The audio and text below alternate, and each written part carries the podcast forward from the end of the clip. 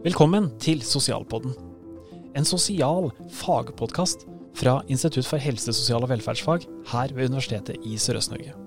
Du vil bli kjent med noen av de temaene vi underviser i her ved vernepleier- og barnevernspedagogutdanningene, og du vil også høre noe fra de spennende eksterne foredragsholderne vi bruker. Så len deg tilbake og lær noe nytt. Og I denne episoden skal vi snakke om miljøterapi eller miljøterapeutisk arbeid i institusjon. Og de som skal snakke om det, det er eh, jeg, Vegard Snartland, som er tilknyttet av barnevernutdanninga på Universitetet i Sørøst-Norge i Porsgrunn. Og så er det deg, Fredrik Sørensen. Velkommen. Hallo. Takk. Grunnen til at du er med i studio, hvis du kaller det det i dag, det er at du har bodd i institusjon, i flere institusjoner, mm. selv om det begynner å bli noen år siden. Eh, og du har inntil nylig vært ansatt her eh, i Porsgrunn, USN i Porsgrunn som erfaringskonsulent. Mm.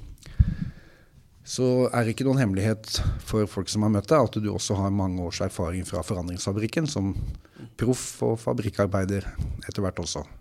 Så nå kommer du sikkert til å snakke både på vegne av deg sjøl, dine egne erfaringer, det du husker og det du har tenkt på i ettertid, men også litt på vegne av mange andre som du har møtt i kraft av å være en del av Forandringsfabrikken.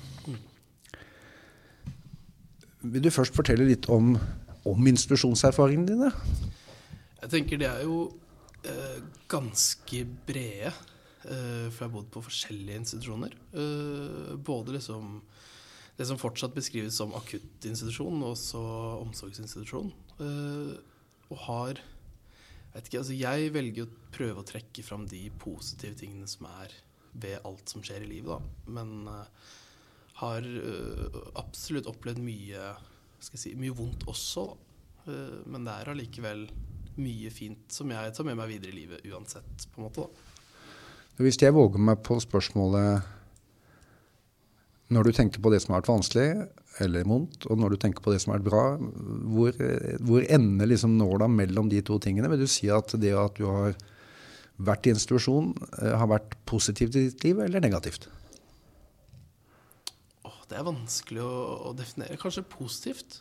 For at det var, det var, et behov. Og så vil jeg si at måten det ble gjort på, var skip. Men selve det å være på institusjon og det jeg fikk av verktøy og ting til livet, har vært bra, da. Mm. Mm. Jeg begynte jo å si at dette er en del av undervisninga innenfor miljøterapi og miljøterapeutisk arbeid. Hvordan smaker det ordet, eh, hvis du skal smake litt på det?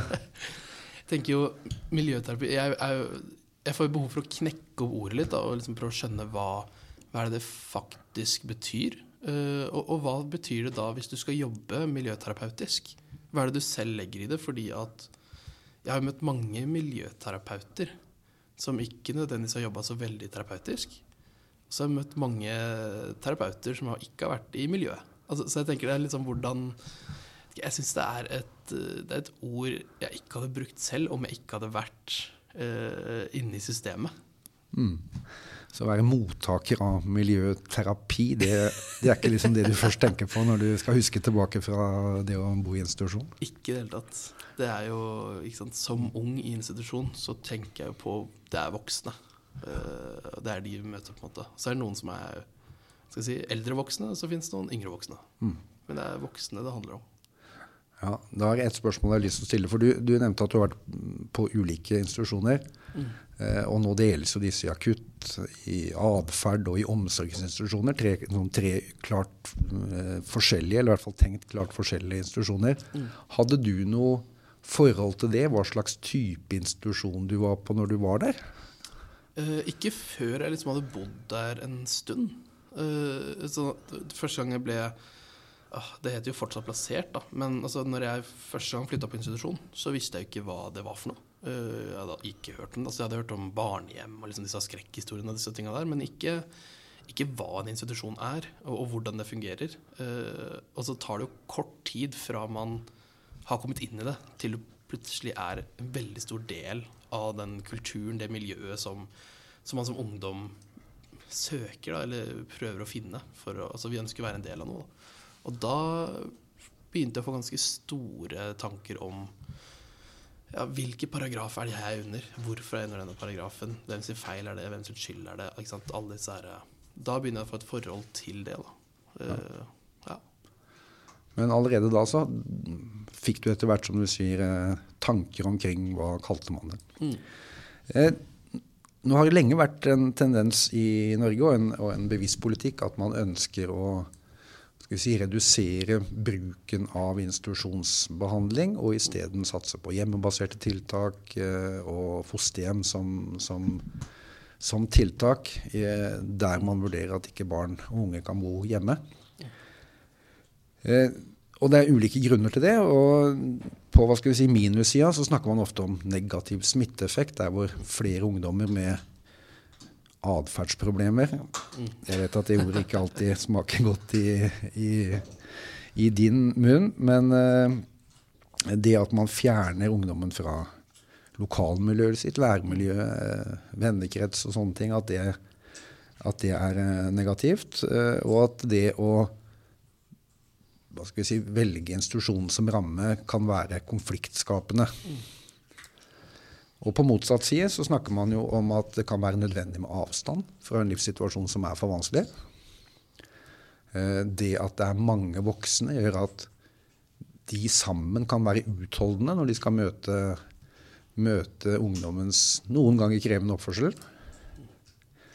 Eh, Og at struktur er nødvendig, og det kan man klare å opprette i en institusjon. Hvor står du nå når du skal tenke tilbake på det du sjøl har erfart, og det folk du har snakka med? Jeg, jeg har gjort mye tanker om det, og så har jeg liksom ikke landa hva jeg føler på best. Men det jeg kanskje ser som mest utfordrende, det er jo at mange av disse tiltakene eller flyttingene eller plasseringene, som, eh, som folk sier, så de, de baseres på gode intensjoner og tanker gjort av voksne. Eh, og altfor sjeldent i direkteprat med den det handler om. Og hvis det har vært direkteprat, så har det altfor dårlig vært dokumentert. Eh, og det har vært Ja, det er stygt å si, da, altså, men veldig ofte så har det også vært voksne som har tatt den praten for å kunne sjekke av det punktet vi har prata med barnet. Uten å nødvendigvis ta med seg den kunnskapen eller det ønsket som barnet har, inn på en måte som gjør at det faktisk blir viktig for den avgjørelsen som skal tas ut fra hvor man skal bo. Mm. Dette med smitteeffekt, kjenner du det igjen fra din egen tid i institusjon? Ja, altså, og det er Jeg kan skjønne at vi snakker om smitteeffekt, for at vi, vi Når man bor på institusjon, så, så, ser man jo hva andre gjør, og hvilke konsekvenser det har. Eh, og så lærer man seg sant, å bruke disse forskjellige uttrykka og de forskjellige tinga til å eh, enten få det noe man ønsker, eller å, å, å få det strengere. Altså, det er jo forskjellige reaksjoner ut fra hva man gjør, da. Eh, men jeg tror liksom ikke vi skal være redd for smitteeffekt. Vi må heller liksom undre oss mer på hva er alle disse uttrykka. For vi er enige om at vi veit at det ligger noe bak, men allikevel så jobber vi jo på en måte som gjør at vi ikke nødvendigvis jobber innover da, for å finne ut hva som er bak. Vi jobber veldig sånn over overflate, da. Eh, positiv smitteeffekt? Det Har du eksempler jeg- på det? Altså at eh, barn eller ungdom i institusjon kan være gode for hverandre, være en eh, ressurs for hverandre og sammen? Det, der tok det meg egentlig litt på, på kornet. For jeg tenkte med en gang på at negativ smitteeffekt. Men det er jo garantert positiv smitteeffekt også. Man får jo forbilder, og man får, det er noen eldre folk på institusjon. Ikke sant? Så det kan være ting som påvirker positivt også. eh, Garantert. Og det er det jo eh, masse av. Så det er jo på, på godt og vondt. Og, men det vil det jo være uavhengig om du bor på institusjon, eller om du eh, går på skolen. Også for de barna som Si Fredrik 13 år. Jeg møtte akkurat de samme barna eller ungdommene i, åttende klasse på skolen som jeg møtte dagen etter når jeg bodde på, på Lokka institusjon. Det er akkurat de samme folka. Altså, det har jo ikke endra seg. Noen av dem gikk kanskje et par trinn over meg, men noe annet enn det. Altså, de er jo helt normale, vanlige barn. Jeg tenker Hvis vi er redd for smitteeffekt, og at det kan være en grunn for å ikke flytte barn på institusjon, så må vi også legge til rette for at hvert barn i Norge kan gå på en skole for seg selv. Altså, det er litt sånn samme sett på spissen. da. Og sett det motsatt, så er det jo med positiv smitteeffekt, så er det jo kjempebra. Så det er det er pros and cons hele, hele tida. Ja. Eh, konflikter som følge av struktur. Så egentlig er jo dette med at barn og ungdom trenger struktur. Eh, en gjenganger, en argumentasjon som, som går igjen som et, en av grunnelementene i miljøterapien. Og samtidig som det å bli møtt med grenser som kanskje er ukjent eller vanskelig eller vanskelig å forstå, og kanskje noen ganger oppleves som helt urimelig, at det kan skape mye konflikt. Eh, hvor står du sånn i avveininga mellom de to tinga? Er det viktig med struktur, eller er det vanskelig med struktur, eller er det begge deler? Altså, struktur er jo viktig, for all del. Eh, men det er jo hvorfor en skal ha struktur. Altså vi, vi kan ikke ha struktur for strukturens skyld, eller fordi at det står at du som miljøterapeut skal hjelpe ungdom med å få en struktur på livet sitt, for det er jo Ja, det, det blir jo piss, da. Altså det, det må jo være struktur fordi det har en nytte for noe. Uh, og hvis man klarer å snakke med ungdom, hjelpe ungdom til å forstå hvorfor man trenger struktur, så vil også ungdommene kunne sette ord på hva slags struktur de trenger. Og så har det noe med å avlære uvaner, lære nye ting. Altså det er mange ting som spiller en rolle. Uh, og så tror jeg men som voksen, jeg kan kjenne på det selv i arbeid med, med barn nå, at jeg har behov for at det skal være på den måten der. Uh, og så kan jeg møte kids som ikke ønsker det, og så kan jeg si sånn Jo, jo, men sånn her må det være. Fordi at det, sånn er det bare. Uh, og så må jeg stoppe opp og kjenne etter Men hva skaper det hos det barnet nå? Og, og, vil jeg ha denne Skal jeg ha siste ordet nå, bare fordi at jeg er voksen? Eller skal jeg la det Skal vi sjekke ut hvorfor jeg nå blir utfordra på den strukturen jeg prøver å sette opp? Og når jeg begynner å undre på det, så ender vi jo veldig ofte opp med at vi skal ha den strukturen jeg har satt opp. Vi må bare gå den omveien på hvordan kjennes det og føles det, og være nytten av det for det barnet jeg er i, i jobb med. da. Ja, for jeg gjetter på at uh, Fredrik 16 var ikke noe glad i 'sånn er det bare' som begrunnelse? Det funker jo ikke. Sånn regler og rammer og strukturer satt i 18 bil og bu, eller satt bare fordi at, det funker jo ikke.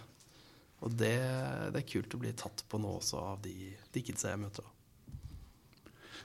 Ja, eh, vi snakker jo litt om hvordan forholder man seg til barn og unge. Og det baserer seg kanskje på hvordan man tenker om barn og unge. Mm. Og hvis jeg graver litt i, i pensumlitteraturen, så brukes formuleringer som barn og unge med atferdsvansker eller atferdsforstyrrelser, barn med tilknytningsforstyrrelser Eh, det kan være eh, barn og unge med alvorlige atferdsutfordringer. Er det betegnelser som, eh, som, du lever godt med, eller tenker du at vi bør jobbe med måten vi formulerer det på? Altså jeg tenker Det hører til i, i gamle dager. nå I Norge i år så har vi altså I dette århundret her så har vi så mye kunnskap vi veit så mye om hvorfor ting er som det er. Vi veit hvorfor barn gjør som de gjør. Og, og, og, det å snakke om barn på en sånn måte skaper en avstand, og det skaper en forventning og en holdning om at det er sånn barnet er. Uh, og så kan det hende at noen fortsatt vil bruke disse uttrykka, men jeg tror med å bruke de orda, så, så stopper du tankene litt. Jo, jo, det er et barn med atferdsvansker så, så, er det ok, men da er det det du forventer. Når det kommer en ny kid på institusjonen du jobber på, så jo, han har alvorlige atferdsvansker. Ok, da er det det blikket du vil ha på det barnet det møter. Uansett hvor mye du prøver å si at du skal møte barnet åpent, av disse her, så, så vil det ligge noe der. Da. Uh, så jeg tror det å snakke om barn på at dette er et barn som, som har det vondt. Sant? Dette er et barn som, som strever litt og har kraftige uttrykk. Altså Snakke om det på en, på en varm måte. Eh, og det handler jo om hvilke barnesyn man bærer òg, tenker jeg da. Ja, um, barn som må kontrolleres, begrenses, struktureres eller grensesettes, for det er jo et klassisk uh, ord i miljøterapien. Mm. Eh, framfor det du vel nå snakker om, et barn som kan forstå sin egen situasjon, som kan samarbeide, som kan bidra i sin egen endringsprosess. Mm det barnet kan få grenser også. Det, men du kan ikke starte med grenser og rammer og regler og Man må starte man må starte inn i hjertet. Og så kan du plusse på alt det andre rundt. For så lenge når barnet opplever at, at det ligger kjærlighet i bånd, så får du lov til å være streng. Så får du lov til å, å sette rammer og være tydelig og disse tingene der sånn. Da har du også lov til å kjefte. For barnet veit at det ligger godhet, da, og det kommer fra et varmt hjerte. Har du eksempler fra eget liv på det? At du har eh, kjent at nå tåler jeg det som jeg kanskje ikke ville, ville tålt før? Ja, jeg hadde en av mine hovedkontakter på, på siste institusjon jeg bodde på. Uh, var ganske sånn nydelig. Uh, hun hadde strevd selv. Altså, vi sånn Vi som har strevd, ser og kjenner igjen voksne og andre som har strevd. Altså, det er noe Jeg tror vi bare ser det veldig fort. Uh, vi snakka lite om det. Men etter hvert som vi fikk en ganske vanskelig relasjon i starten, og til slutt så satte hun seg ned utafor døra mi når jeg ikke gadd å prate med henne og, å dele fra seg om liksom Hun hadde bodd på Var det på Himsmoen, tror jeg?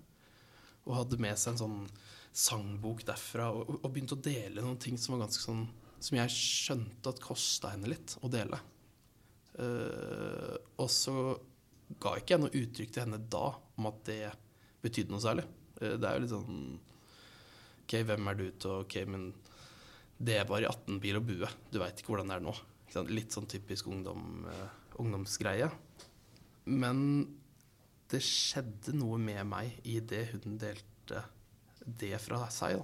Uh, og som gjorde at det ble lettere å skulle prate noe seinere. Og etter hvert som vi fikk den relasjonen, så delte hun mer. Hun var ærligere på sine følelser. Hun altså, slutta å snakke om at det jeg gjorde, var skadelig, kriminelt, farlig.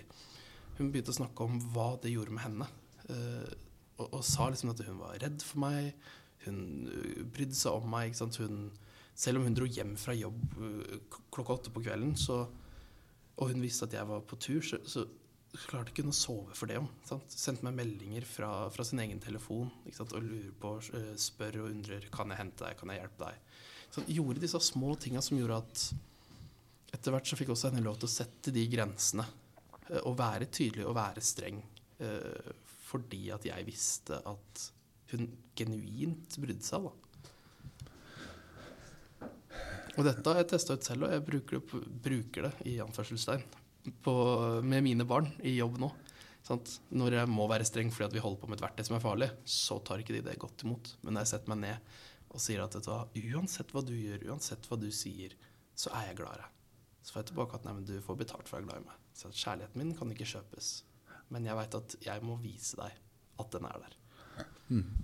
Du sier jo noe om å vise at du bryr deg, og, og at du virkelig uh, ja, virkelig er til stede for den andre. Og kjærlighetsbegrepet bruker også. Mm. Eh, men du begynner med å si at uh, det som var det som satte det i gang, var at miljøterapeuten delte noe av sine egne vansker. Mm. Hva hvis man ikke har en historie å dele, men kommer fra en bekymringsløs, uh, privilegert oppvekst? Kan man allikevel komme i den posisjonen at man kan bli en troverdig hjelper? Ja, garantert. Altså, fordi selv om man ikke nødvendigvis har opplevd sjuke, vanskelige, vonde ting i livet, så har man allikevel kjent på mange av de samme følelsene. Så det å starte der, starte i følelsene, og, og, og dele om Altså jeg tenker, hadde det sittet Ok, Hvis jeg skal litt, dra det litt sånn stereotypisk, da. Hadde jeg sittet på det rommet da, og hun ikke hadde hatt disse erfaringene, vært en, en stereotypi på en vestkantjente som har vokst opp veldig greit og med masse spenn og ikke tenkt på noe trøblete i hele sitt liv, så tror jeg allikevel at denne personen hadde hatt noen følelser den kunne delt. Eh, blant annet og sagt noe om at eh, Fredrik, jeg skjønner ikke helt hva som skjer nå. Eh, for når jeg var ung, så var, følte jeg sånn og sånn. Og hvis jeg kjente på sånn og sånn, så gjorde jeg sånn. Men jeg ser jo nå at det du gjør, reagerer på en annen måte, eller du gjør noe annet, eller Nå må du hjelpe meg til å forstå, Fredrik. Det handler om å bruke seg selv, uavhengig av erfaringer og historier, men altså på en ekte måte. Spørre framfor å skulle fortelle eller gi svaret, eller ja. Det å tørre å undre, sant. Tørre å ikke ha svaret på alt. Mm. Vi er jo langt inn i temaet 'Hvem er den gode?' eller 'Hvordan er den gode miljøterapeut?' Eh, Er det mulig å ramme inn det å si at jo, en god miljøterapeut kjennetegnes ved det og det? Eller du kan få lov til å prøve nå? Jeg tenker jo det fine med liksom den, både den erfaringen jeg har i institusjonsverden uh, gjennom Forandringsfabrikken og uh, som erfaringskonsulent her og i arbeid med barn og unge, så har jeg fått muligheten til å liksom kjenne på både hva det betyr for meg å ha møtt gode voksne, uh, hva det betyr for barna jeg møter, at jeg er en god voksen, og også hva flertallet av barn i Norge sier er en god voksen. og det handler om noen kjerneverdier. Det handler om en, en, holdning og en måte å se på barn på, uavhengig av si, system da, som de jobber i. Om det er skole, fengsel, institusjon. Altså uansett. Og jeg tenker det handler litt om hvordan vi egentlig ser på menneskene rundt oss generelt i livet òg. Det handler jo om å ha det som Nestekjærlighet er kanskje lettere for folk å, å bruke, da. Men jeg tenker at kjærlighet er, er, det som på en måte må ligge der. Uavhengig av liksom alt.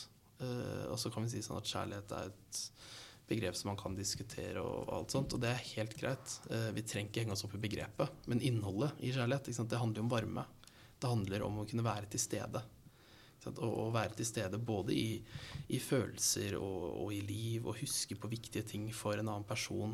Sant? Det tenker sånn som Vi husker på ting når vi prater sammen, som vi har snakka om tidligere. Som vi tar opp igjen seinere. Da får man en følelse om at det, dette mennesket har lytta til meg. Dette mennesket er glad i meg på et eller annet plan. Altså man får disse Og det tenker jeg er liksom det som går igjen. da. Og det å klare å samarbeide på en ydmyk måte. Sånt. Å være et medmenneske, hadde det vært et annet ord? Ja, det er en fin måte å oppsummere egentlig mye av det jeg har sagt på nå. Mm. Og dette mener jo mange tusen barn i Norge. Eh, også barn i Barcelona og Portugal for øvrig også, har sagt mye om dette. her. Så det er jo ikke bare liksom, spesielt for barnevernsbarn eller barn i uh, institusjonsgreiene. Det går igjen.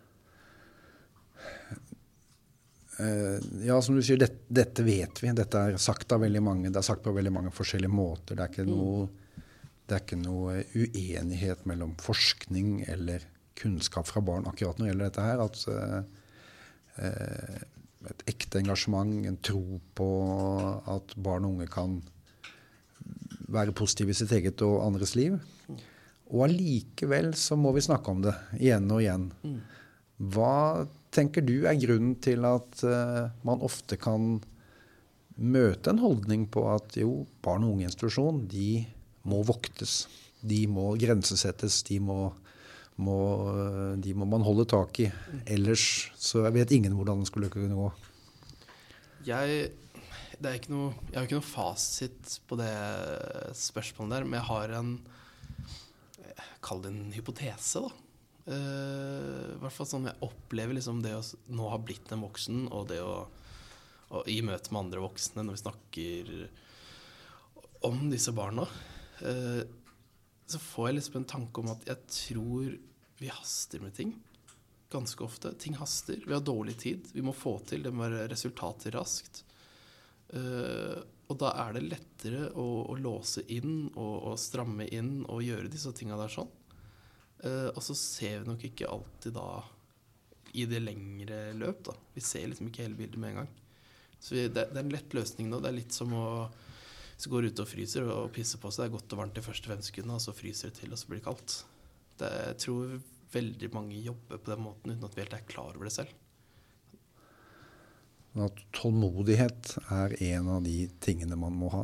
Ja, og det å skjønne at vi må investere på, på kloke måter.